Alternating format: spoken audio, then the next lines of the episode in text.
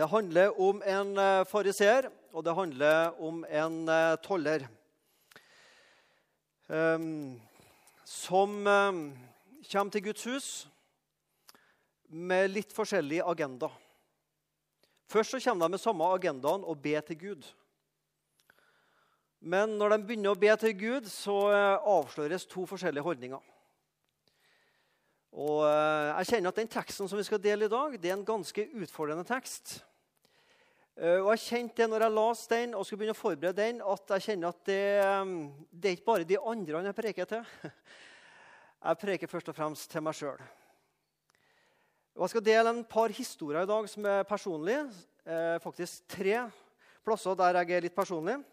Så jeg kjenner at dette blir litt utfordrende i dag. Men sånn er det. La oss be sammen.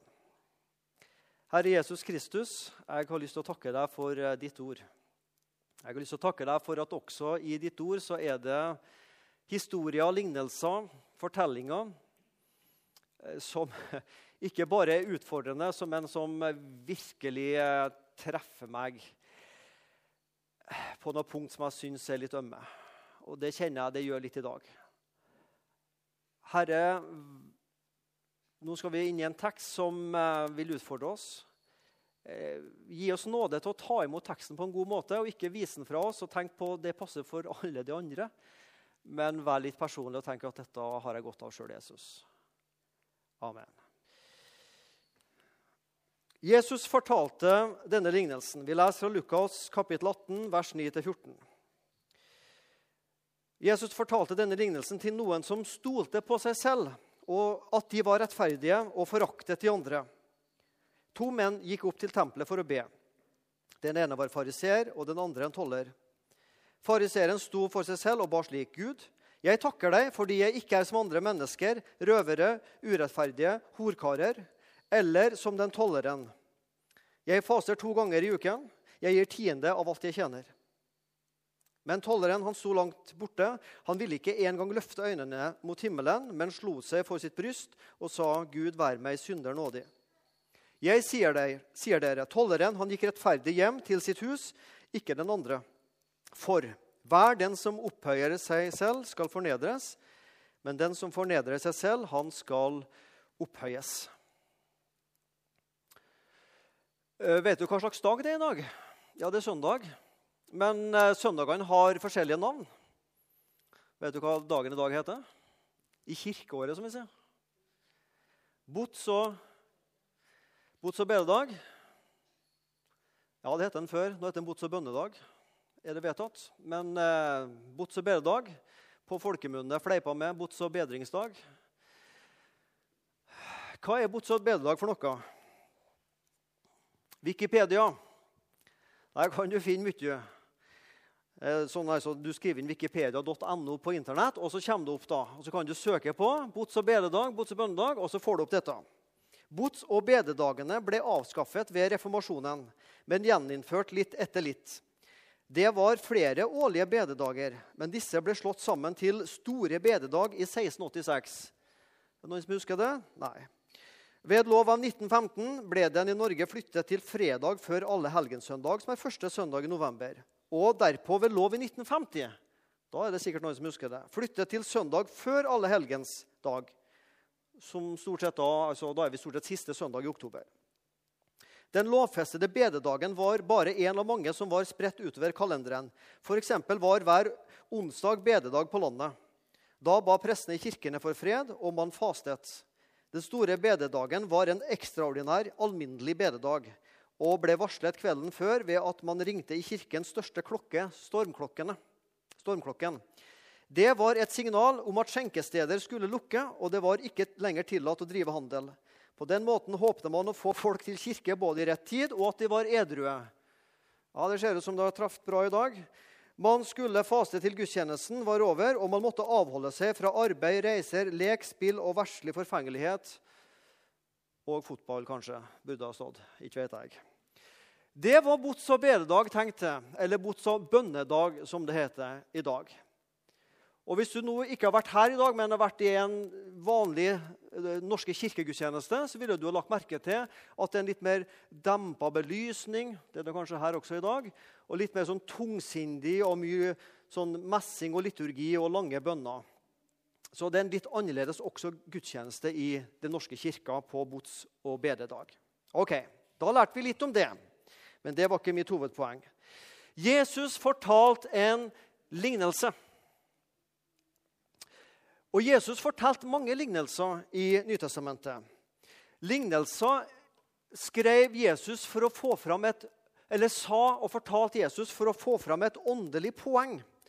Han vil fortelle om lovene som gjelder i Guds rike, der Gud bestemmer. Jesus brukte hverdagshistorier, en kjent setting. Han brukte en eksempelfortelling for å få fram et poeng, et åndelig poeng. Og for å bruke en parallell norske folkeeventyr er jo ofte også fortalt for å få fram et moralsk poeng på en eller annen måte. Jesus fortalte lignelsene for å få fram et åndelig poeng om hvordan ting er i Guds rike, der Gud bestemmer. Lignelser. Og De lignelsene Jesus fortalte, de hadde jo mottakere. Enten beregna på alle mennesker, disiplene eller ei gruppe av mennesker. Og som oftest da kanskje disiplene. Og her, Denne lignelsen vi nå har lest sammen, den er også i utgangspunktet beregna på ei gruppe mennesker. Noen som stolte på seg selv, at de var rettferdige og foraktet de andre. Det er dem, eller skal vi si oss, denne lignelsen er fortalt til. Er det mange her som tilhører den gruppa? Hender i været, som forakter andre, ser ned på andre og ser på seg sjøl som rettferdige og stoler på sin egen rettferdighet. Det var ikke veldig mange hender i været. Det var ingen, faktisk. Det var jo godt. Ei gruppe mennesker med feil holdninger. Det er jo ingen av oss som vil tilhøre denne gruppa. Det er jo ingen av oss som vil innrømme at jo, jeg passer veldig godt i denne gruppa. Det er ingen misjonsforening som er starta til minne om denne fariseeren. hender jo av og til du hører navn på noen foreninger som er starta til minne om den og den misjonæren som dro først til det og det landet. Det er ingen Facebook-gruppe som er starta opp 'Vi som støtter fariseeren i tempelet'. Jeg har ikke funnet den gruppa på Facebook. Det er ingen av oss som vil tilhøre der. Men du verden, jeg er innom denne gruppa litt oftere enn jeg liker å innse. Det er, ikke sånn at vi alltid er der, eller på ingen måte er der. Men av og til er vi innom den gruppa kanskje litt oftere enn vi liker å innrømme. Hvordan ser jeg på meg sjøl? Hvordan ser du på deg sjøl? Hva stoler du er på? Hvordan ser jeg på andre mennesker?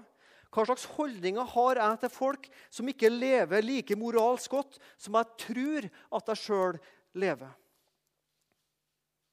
Historie 1 i dag. Dette skjedde meg for noen år siden. I gata jeg bor. Noen hus bortafor så er det noen sånne kommunale boliger der det flytter folk inn og ut. Det kan være asylsøkere eller det kan være folk med ulike problemer som bor der en periode. I en av disse leilighetene så bodde ei enslig mor med to små barn. Og Hun eh, skulle bort til barnehagen litt bortafor oss. Og Da gikk hun forbi vårt hus. Eh, kona mi var på arbeid, ungene var på skolen. Jeg satt hjem, eh, hadde hjemmekontor den gangen. Så hører jeg noe sånn voldsom kjefting på utsida av huset. Noen sånn, sånn ja, ekle lyder. Så tenker jeg, hva er dette for noe? Så jeg eh, kikker bak gardina og ser denne enslige mora, som altså gir ungene sine så kraftig inn at jeg skal ikke begynne å gjenta ting hun sa. Men jeg kjente det Åh! Det stakk noe så utrolig inni meg. Hun kjefta. Og ikke bare det. Jeg visste i anførselstegn, iallfall hadde hørt om det gikk rykter om, at det var ei uke var det den mannen som bodde der, og så gikk det noen måneder så var det en annen mann som hun var med. Sånn gikk ryktene.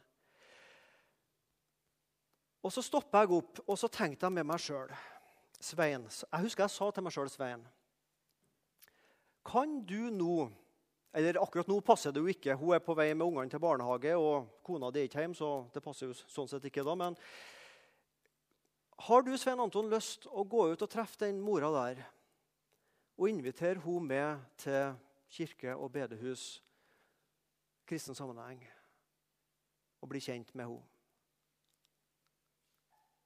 Og så konkluderte jeg nei, det har ikke jeg lyst til. Og da var jeg ærlig. Det hadde ikke jeg lyst til. Og så kjente jeg jeg passer veldig godt inn i den fortellinga her. Ser ned på andre. Jeg har ikke lyst til å være med sånne mennesker. Akkurat lik fariseeren som ikke hadde lyst til å være med Hvorfor Jesus er du sammen med syndere og tollere? Og så var jeg plutselig sjøl i denne gruppa.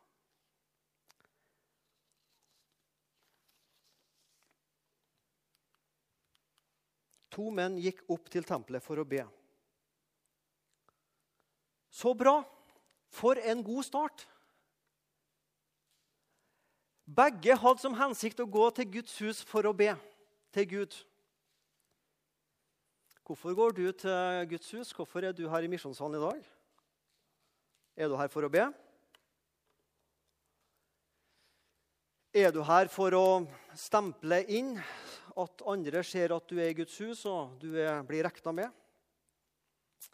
Går du til Guds hus av gammel vane? Ja, det er fint å gå til Guds hus av gammel vane.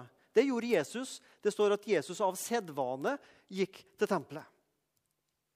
Er du i Guds hus for å pynte på dårlig samvittighet? Nå er det såpass mange uker siden jeg var i misjonssalen at nå må jeg liksom være her for å føle meg litt bedre.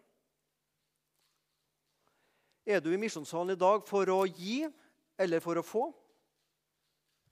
Jeg sier som Ole Brumm, ja takk, begge deler. Vi skal til Guds hus både for å gi og få, men først må du få hvis du skal ha noe å gi. Hvorfor er du i misjonssalen i dag? Disse to gikk til tempelet for å be. Fariseeren og en toller. Fariseere, hvem var de for noen? Det var en filosofisk grein av jødedommen. Du hadde flere. Du hadde fariseere, du hadde sadukere, selota, esere. Fariseerne det var de skriftlærde. Og Det som skilte de fariseerne fra andre eh, grupper, det var at de levde etter det som vi kaller for fedrenes overleveringer. Altså den muntlige loven som stammer fra Moses. Ikke bare den skriftlige, men noen muntlige bud i tillegg. Og Så kom de da i klinsj med Jesus. For Jesus mente at de heller burde legge mer vekt på ting som kjærlighet til Gud og til sine medmennesker. nestekjærlighet. Den muntlige loven sa nettopp en god del om renhet, noe som fariseeren tok alvorlig. Men ordet fariseer i dag det brukes ofte som hykler. Vi, sier, vi, kan si om folk han er som en fariseer, da mener vi han er som en hykler. Men fariseeren tok det jo skikkelig seriøst med sin gudstro. Og Så går de i klins med Jesus, og det det stort sett går på, det er overholding av eh, buda, spesielt av sabbatsbudet. Jesus gjorde arbeid på sabbaten. Og så var det det at Jesus sa han var Guds sønn, som de reagerte på. Hvordan kan et menneske si at det er Guds sønn? Så fariseerne var egentlig datidens åndelige elite, skriftlærde. Og som tok, altså de, de tok virkelig troa si alvorlig. Og så gikk de likevel, ble de Jesu Kristi fiender. Fariseere, sadukere, selota, esere. I ungdommen, og det er jo noen år siden etter hvert, så, så husker jeg jeg lærte en sang. Den, den, er litt gøy, vet du, men den er, så, den er, ikke så, morsom på norsk. og det vil du fort skjønne. Den er morsom på engelsk. Så Hvis ikke du nå kan veldig godt engelsk, så, så blir den så morsom på norsk. Men på engelsk er den sånn I don't want to be a Pharisee because they have fear, you see. I don't want to be a sad, you see, because they are sad, you see.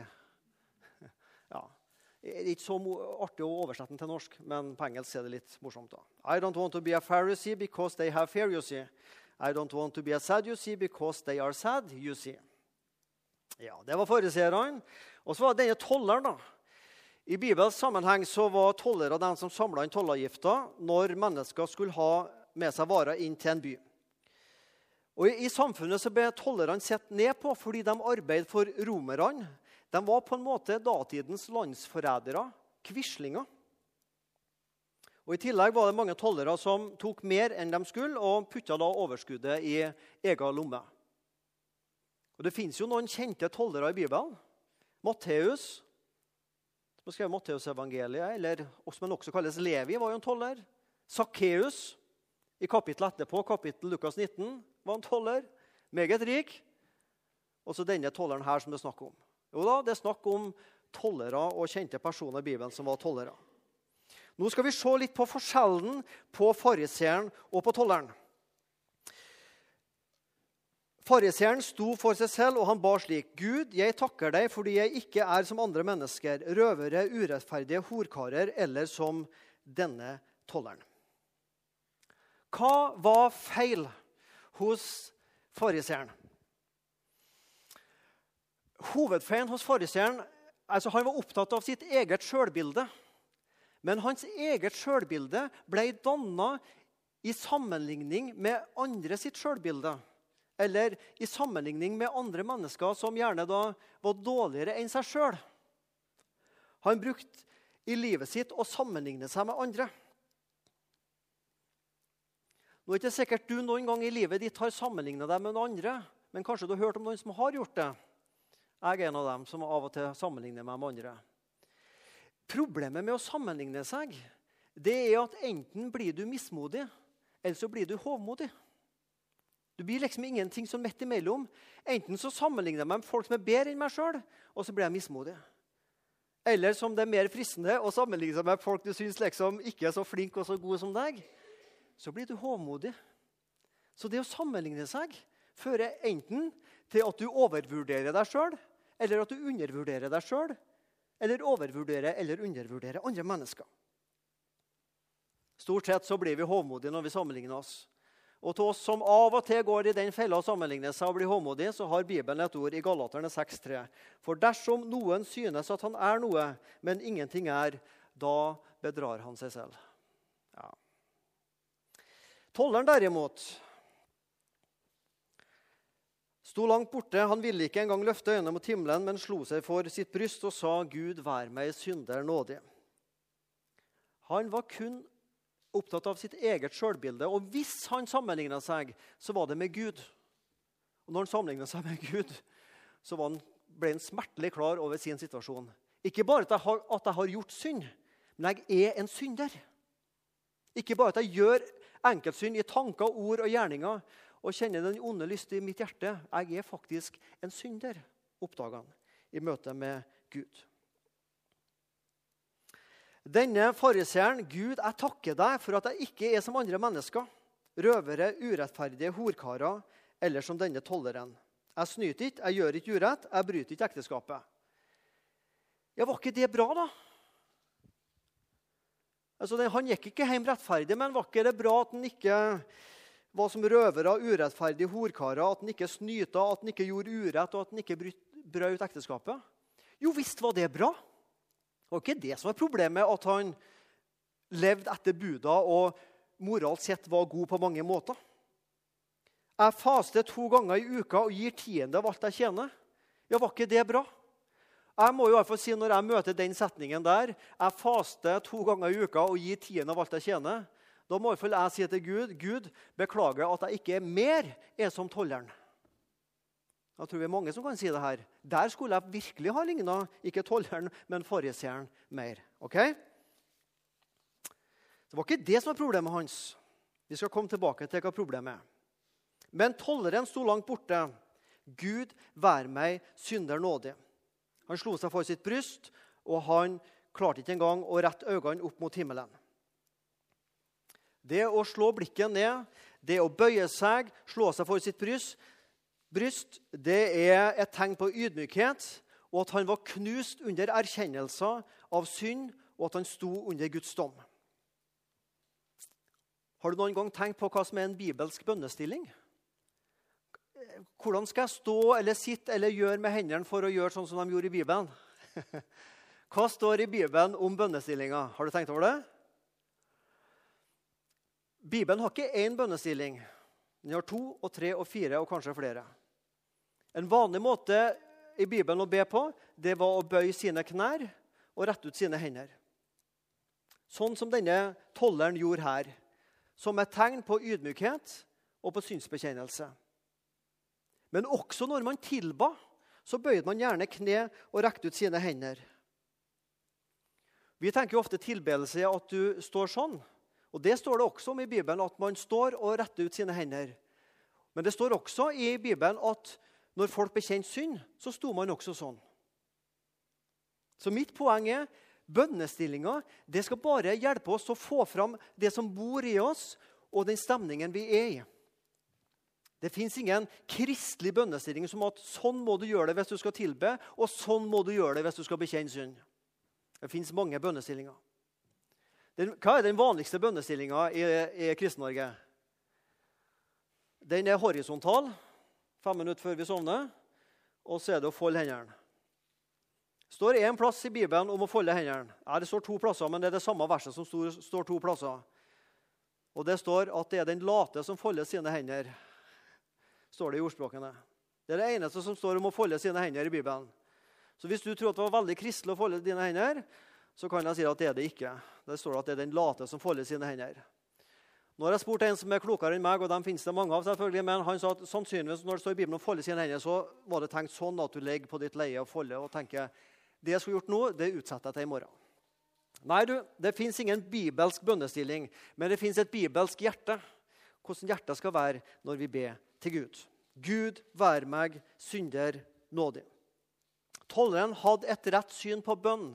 Bønn det kan være tilbedelse, det kan være takk, det kan være synsbekjennelse, og det kan være forbønn. Å tilbe Gud og takke Gud. Vi tilber Gud for den han er, vi takker Gud for det han har gjort. Vi ber for oss sjøl og for våre nærmeste og for misjonærene. Og vi bekjenner ikke det andre synd, men vår egen synd. Bønn om nåde og bli rettferdig.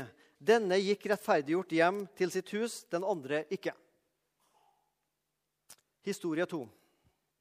Jeg skal fortelle om noe som skjedde for ganske nøyaktig en måned siden. Eh, mor mi ble 75 år, eh, så jeg skulle opp til Tromsø, der foreldrene mine bor, i 75-årsdag i et selskap. Eh, der møter jeg en mann eh, som jeg kommer i snakk med. Og eh, jeg gjengir nå litt fra det vi snakka om. Selvfølgelig ikke alt.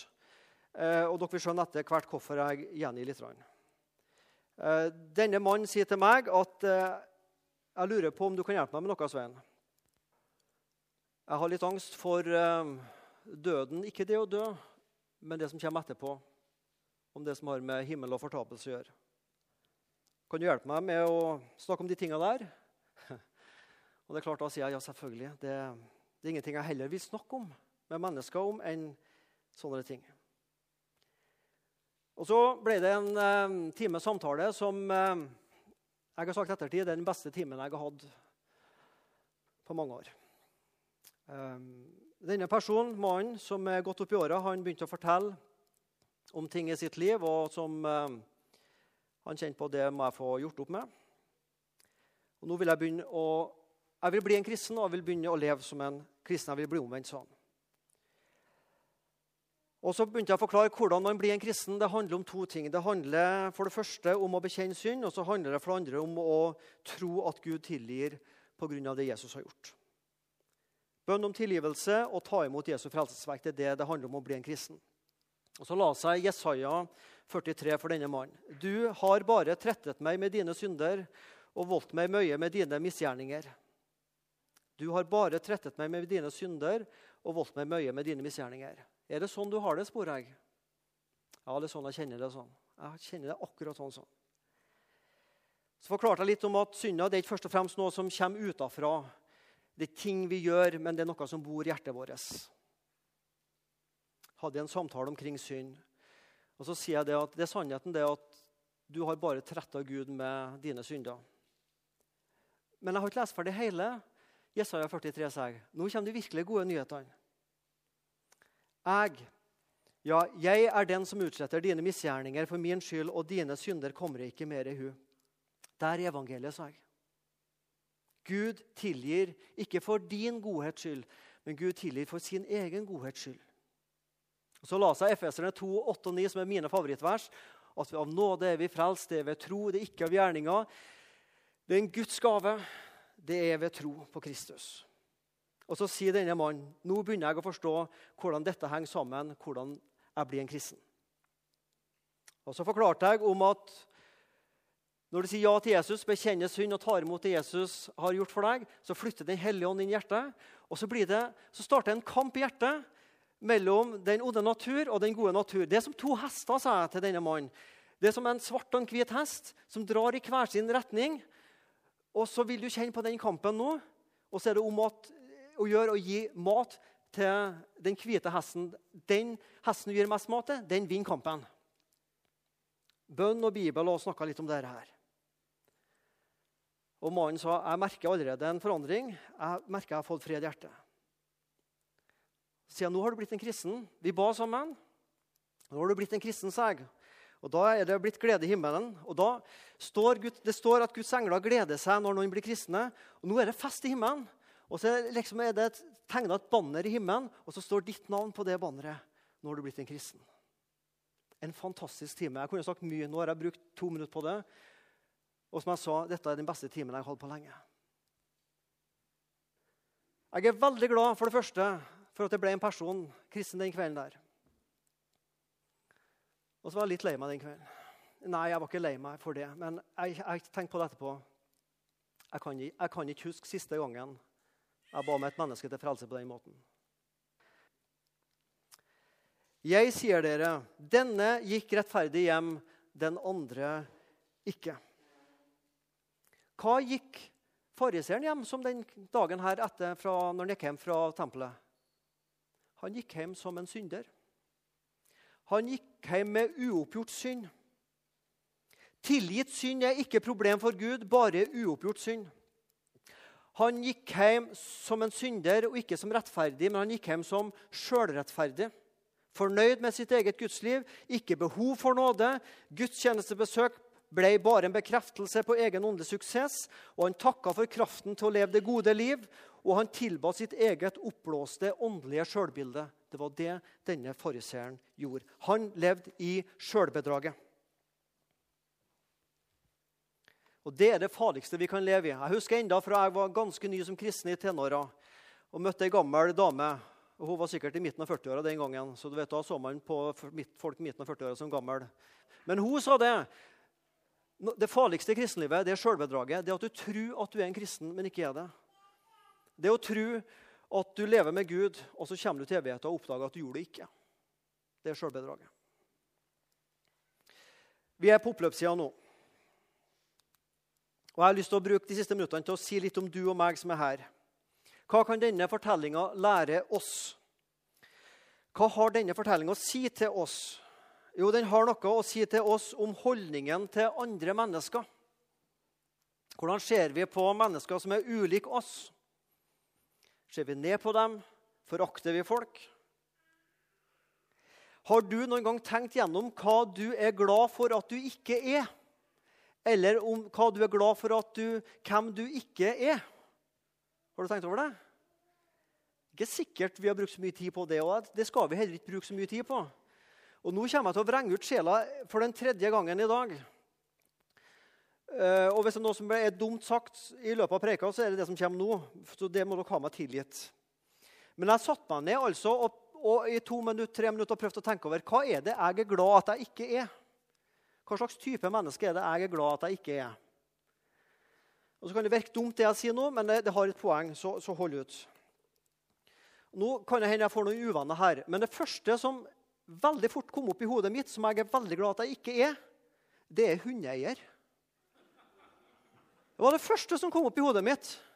Og det er fordi når jeg er ute og går, eller når jeg er inne i stua mi og kikker ned på veien og ser folk går der med hundene sine og lufter dem, og det regner og det yrer Men ikke bare da, så syns jeg aldri ser et smil på munnen deres.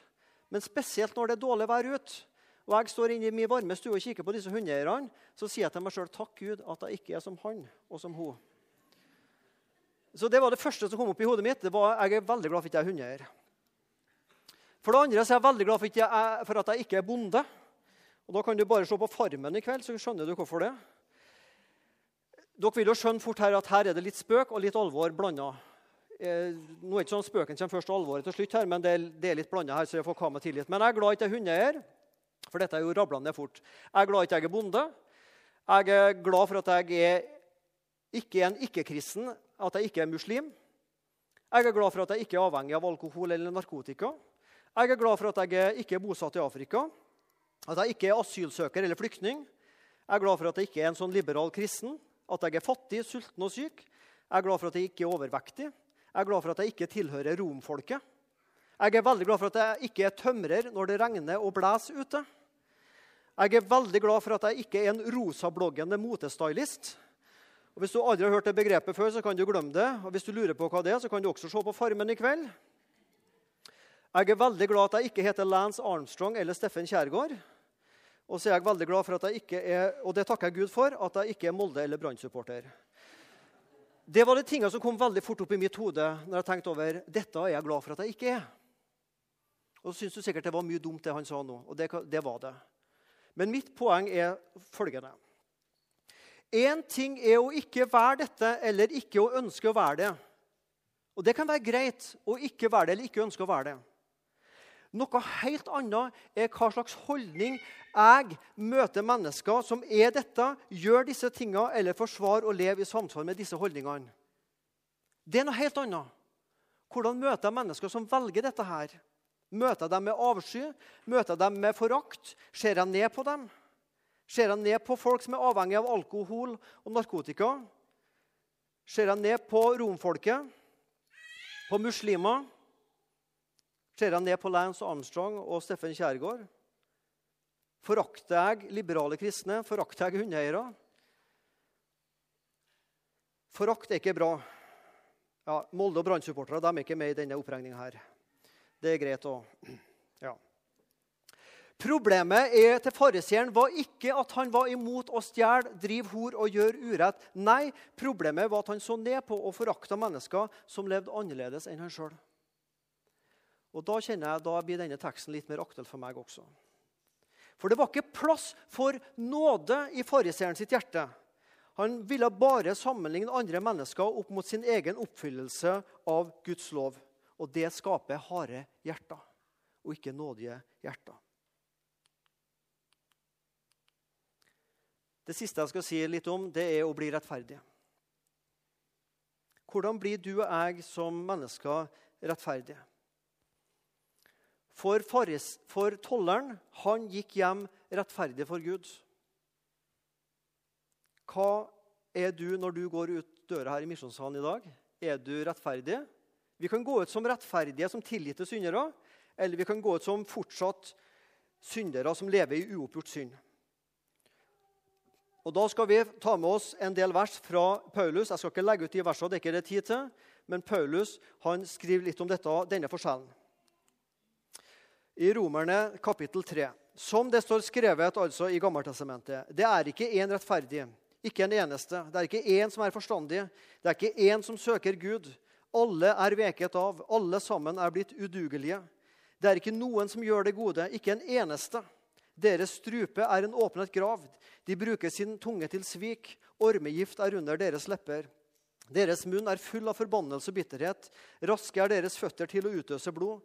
Ødeleggelse og elendighet er på deres veier. Freds vei kjenner de ikke. Gudsfrykt er ikke for deres øyne. Men vi vet at det loven sier, det taler den til dem som er under loven, for at hver munn skal lukkes og hele verden blir skyldig for Gud. Derfor blir intet menneske rettferdiggjort for ham ved lovgjerninger, for ved loven kommer erkjennelse av synd. Denne fariseeren det kom ingen erkjennelse av synd når han begynte å sammenligne sitt liv mot Den hellige lov. Det kom bare 'Her er meg. Jeg fikser livet', folkens. Tolleren han sammenligna sitt liv med dette som står her. Og han kom til erkjennelsen 'Jeg er ikke rettferdig. Jeg er en synder'. Men nå, men nå Dette herlige ordet 'men' som skifter fokuset i Bibelen. Men nå er Guds rettferdighet, som loven og profetene vitner om, blitt åpenbart uten loven. Det er Guds rettferdighet ved tro på Jesus Kristus til alle og over alle som tror. Det er ingen forskjell. Alle har syndet og står uten ære for Gud. Og de blir rettferdiggjort uforskyldt av Hans nåde ved forløsningen i Kristus Jesus. Ham, Kristus, stilte Gud til skue i hans blod som en nådestol ved troen. For å vise sin rettferdighet, fordi han i sin langmodighet hadde båret over med de synder som før var gjort. Ved dette ville Gud vise sin rettferdighet i den tid som er nå, så han kunne være rettferdig og rettferdiggjøre den som har troen på Jesus. Hvor er så vår ros? Den er utelukket. Ved hvilken lov? Gjerningens lov? Nei, ved troens lov. For vi er overbevist om at mennesket blir rettferdiggjort ved tro uten lovgjerninger. Skal ikke bruke tid til å legge ut det skriftavsnittet der. Det er ikke tid til. Hvordan blir du og jeg et rettferdig menneske? Ved å se ned på andre mennesker? Nei. Det ville jo Jesus fortelle med den lignelsen. Ved å se opp til oss sjøl? Nei. Men du må se opp for å bli rettferdig. Du må se opp på Jesus, og du må se opp på korset. Der blir du rettferdig.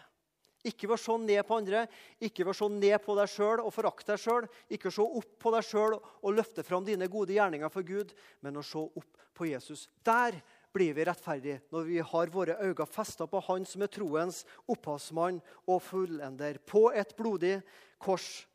Der utsletter han dine og mine synder. Sånn at vi kan gå ut fra Misjonshallen dag og si Yes! Én ting vet jeg. Jeg er rettferdig. Og det er ikke fordi jeg har gjort så så mye gode gjerninger, men jeg eier Jesus Kristus i mitt hjerte. Kjære, gode kristen søster og bror. Nå hørte jeg, nå ble jeg veldig sånn høytidelig her i måten jeg sa det på. men Til oss alle som er her i dag. Ikke takk for at du er en bekjennende, personlig, misjonsengasjert kristen og lever bedre enn andre mennesker. Da blir vi håmodige. Men takk høyt, tydelig og frimodig for at Jesus er din rettferdighet, at du har blitt et nytt menneske pga. Han, og kun pga. Jesu gjerning. Det er å rose seg av Jesus og fortelle andre mennesker hvordan de kan gå fra å være syndere til å bli tilgitte syndere og rettferdige. Herre Jesus Kristus. Det er ingen svart-hvitt i ditt rike at enten så er vi fullt og helt fariseere eller fullt og helt toller. Av og til litt fariseer, av og til litt toller. Men i dag så er vi fullt og helt tilgitt. Og takk for det, Jesus. Takk for at jeg er ren og rettferdig, og jeg er himmelen verdig. Og Jeg er ikke i meg sjøl, men jeg er det i verdens frelser, og jeg er det alt nå. Takk for at ordet forkynner at mine synder dem kommer du aldri mer i hu. Takk, Jesus, for at jeg har fått møtt deg i min ungdom. Takk for at noen i min familie også har fått møtt deg, Herre Jesus, i den siste tida. Og takk for at vi kan sitte her i misjonssalen og høre om det. At hvordan vi kan bli rettferdige i deg. Amen.